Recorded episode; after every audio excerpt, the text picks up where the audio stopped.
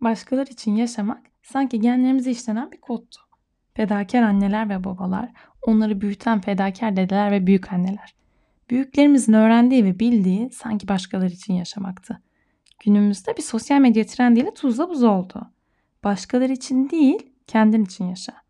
Trend koca bir çığ gibi büyüyor da büyüyor. Ama bana kalırsa iki tarafında kazananı olmuyor. E ne mi yapacağız? Minik bir hava testi. Buyurun efendim minik hava testi için kafaya taktığımda bekleniyorsunuz.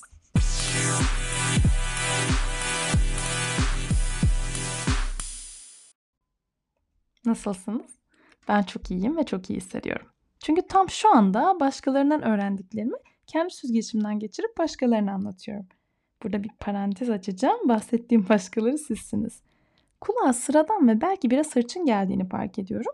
Ama ben başkaları kelimesini kulağa geliş şeklinin aksine çok seviyorum. Sebebi mi? Parantez kapayıp devam ediyorum. Uzun bir zaman gidip geldiğim bir konuydu bu. Başkaları konusu. Başkaları için yaşamak ya da başkalarını boş verip kendin için yaşamak. Diğer fikirleri hiç ama hiç umursamamak. İki zıt fikir beni cezbedince radarlarımı açıp incelemeye başlıyorum. Bu çocukluğumdan beri yaptığım bir şeymiş ama bunu yeni yeni fark ediyorum. Her zaman böyle biri miydim? Bu önemli bir soru çünkü bir şeyi ne kadar uzun süre yaparsanız o kadar ustalaşıyorsunuz. Eğer ben bunu çok eskiden beri yapıyorsam kendime güvenim biraz da artacaktı işte.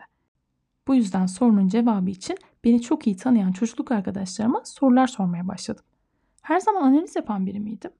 Anneme, Cemre'ye ve Betül'e çocukluğum ve ergenliğimdeki halimle ilgili sorular sordum. Cevaplarımı aldım. Daha önce yapmadığım ve fark etmediğim bir şeydi bu. Çocukluk arkadaşları size iyi taraflarınızı hatırlatabilir. İçinden çıkamadığınız bir sürü şeyden minik bir cevapla sizi çıkarabilir. O yüzden kendinizle ilgili içinden çıkamadığınız bir şeyler varsa o şahane arkadaşlarınızdan birini arayabilirsiniz. Kıvranmadan, günler geçirmeden saniyeler içinde ihtiyacınız olan cevabı alırsınız. Siz kimi arayacağınızı çok çok iyi biliyorsunuz. Cevap için heyecanlı mısınız? Ne diyorduk? Heh, başkaları konusu. Takıldım bu konuya ve işte çocukluğumdan beri yapıyor olduğum analizlerle incelemeye başladım. Başkaları için yaşayanlar nasıl bir hayat yaşıyor ya da başkalarını boş verip sadece kendisi için yaşayanlar nasıl bir hayat yaşıyor? Kazananı seçmek istedim ama bunda kazanan bulamadım. İki tarafında bir kazananı kazanıyor gibi görünmüyor. Cevap yine geliştirip değiştirip büyüttüğünüz kendi iç sesinizde var oluyor. Bunu bir podcast bölümüne nasıl adapte edebilirim bilmiyorum. Sonuçta işte cevap bu. Bu kadar net, bu kadar kısa. Ama bir kere duyarak hiçbir şey öğrenemeyiz. İnsan defalarca düşüyor, defalarca kazanıyor, defalarca hasta oluyor, hatta defalarca aşık oluyor. Asla dersini almak için bir keresi yetmiyor. Öğrenmek için asla asla bir kere duymak yeterli olmuyor. O zaman bakış açımı cebime koyup devam etmem gerekiyor. Sizin için bu bölümde başkalarıyla olacağımız yollar için filmler ve replikler seçtim. Bir fikri defalarca radarımdan geçirdim. Sonra onu öğrenmek için o filmleri bu bakış açısıyla izledim. Kafama yer etti ve kazandım.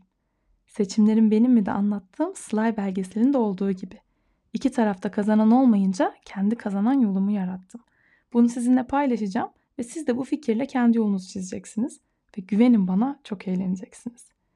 İlk replik istediğin yere varabilmek için istemediklerini yaparsın.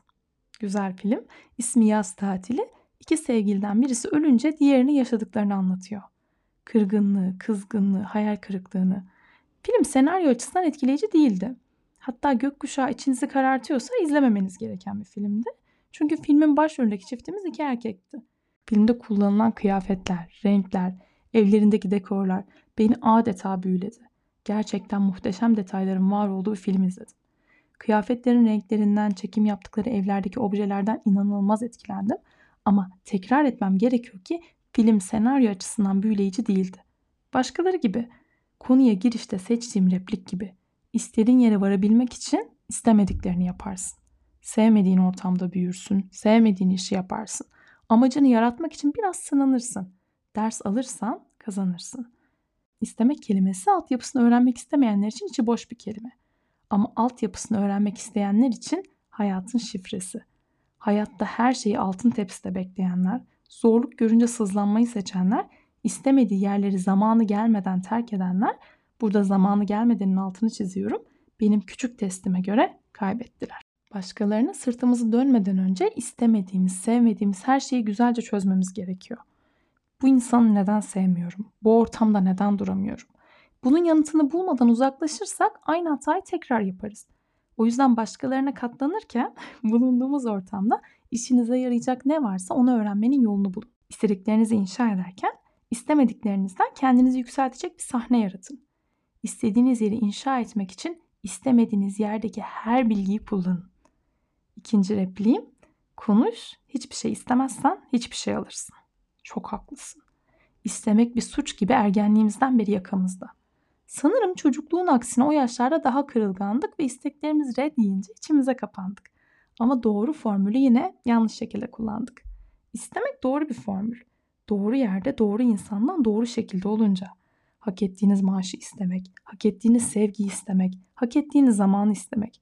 Kendinizden ve başkalarından ihtiyacınız olanı istemek. İç sesinizle konuşup kalbinizden ve zihninizden geçirerek istemek. Düşünsenize yeni bir kazak istiyorsunuz. Güzel, kaliteli, yün ya da kaşmir. Sizi sıcak tutacak, belki güzel gösterecek iyi bir kazak. Bunu istemek için ne feda ediyorsunuz? Bir koca gün iş yerinizdeki mesainizi. Bazıları için bir saate düşer, bazıları için son güne çıkar. Bu durumu değiştirmez. O kazak için zamanınızı feda edersiniz. Bu duygular için de geçerli. Birinin kalbini kırmayı istediğinizde bedelini kırdığınız şeyi onararak ödersiniz. O yüzden istemek önemli bir konudur. Süzgeçlik bir konudur. Ama o süzgeçten geçiyorsa da repliğimiz devreye girer. Konuş. Hiçbir şey istemezsen hiçbir şey alırsın. Film mi? Film çok kötüydü. İsmini vermeyeceğim, resmini ekleyeceğim. İzleyip filmi tanıyıp sevenlerin tepkisini çekeceğim ama film çok kötüydü. Filmin başında bu repliği yakaladım.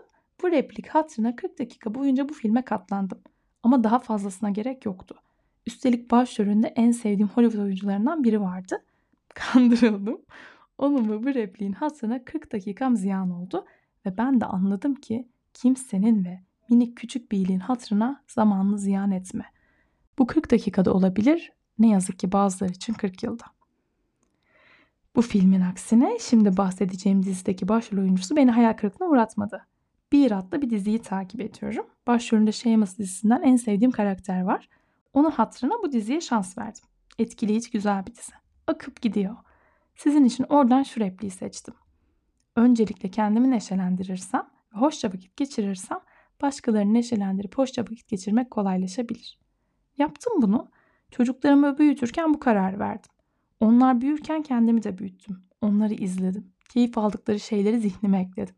Bunları öğrendim. İşe gittim, kahve içmeye gittim, dinlendim.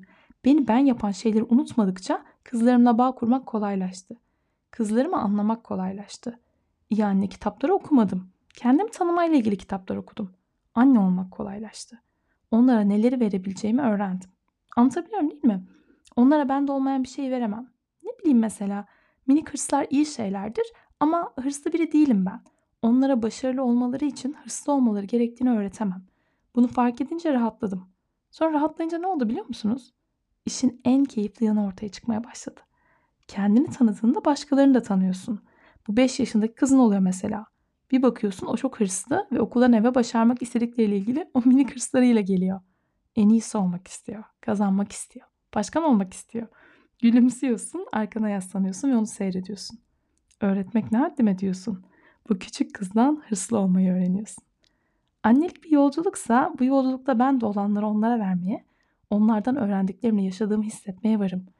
Bu yolculuğu yaşamak isterken başkaları yüzünden bu tarafımda çok didiştim. Annelik yüzde yüz fedakarlık mı? Hata mı yapıyorum?